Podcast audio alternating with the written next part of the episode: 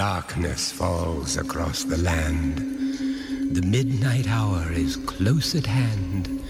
Creatures crawl in search of blood to terrorize your neighborhood. And whosoever shall be found without the soul for getting down must stand and face the hounds of hell and rot inside a corpse's shell. The foulest stenches in the air, the funk of 40,000 years, and grisly ghouls from every tomb are closing in to seal your doom.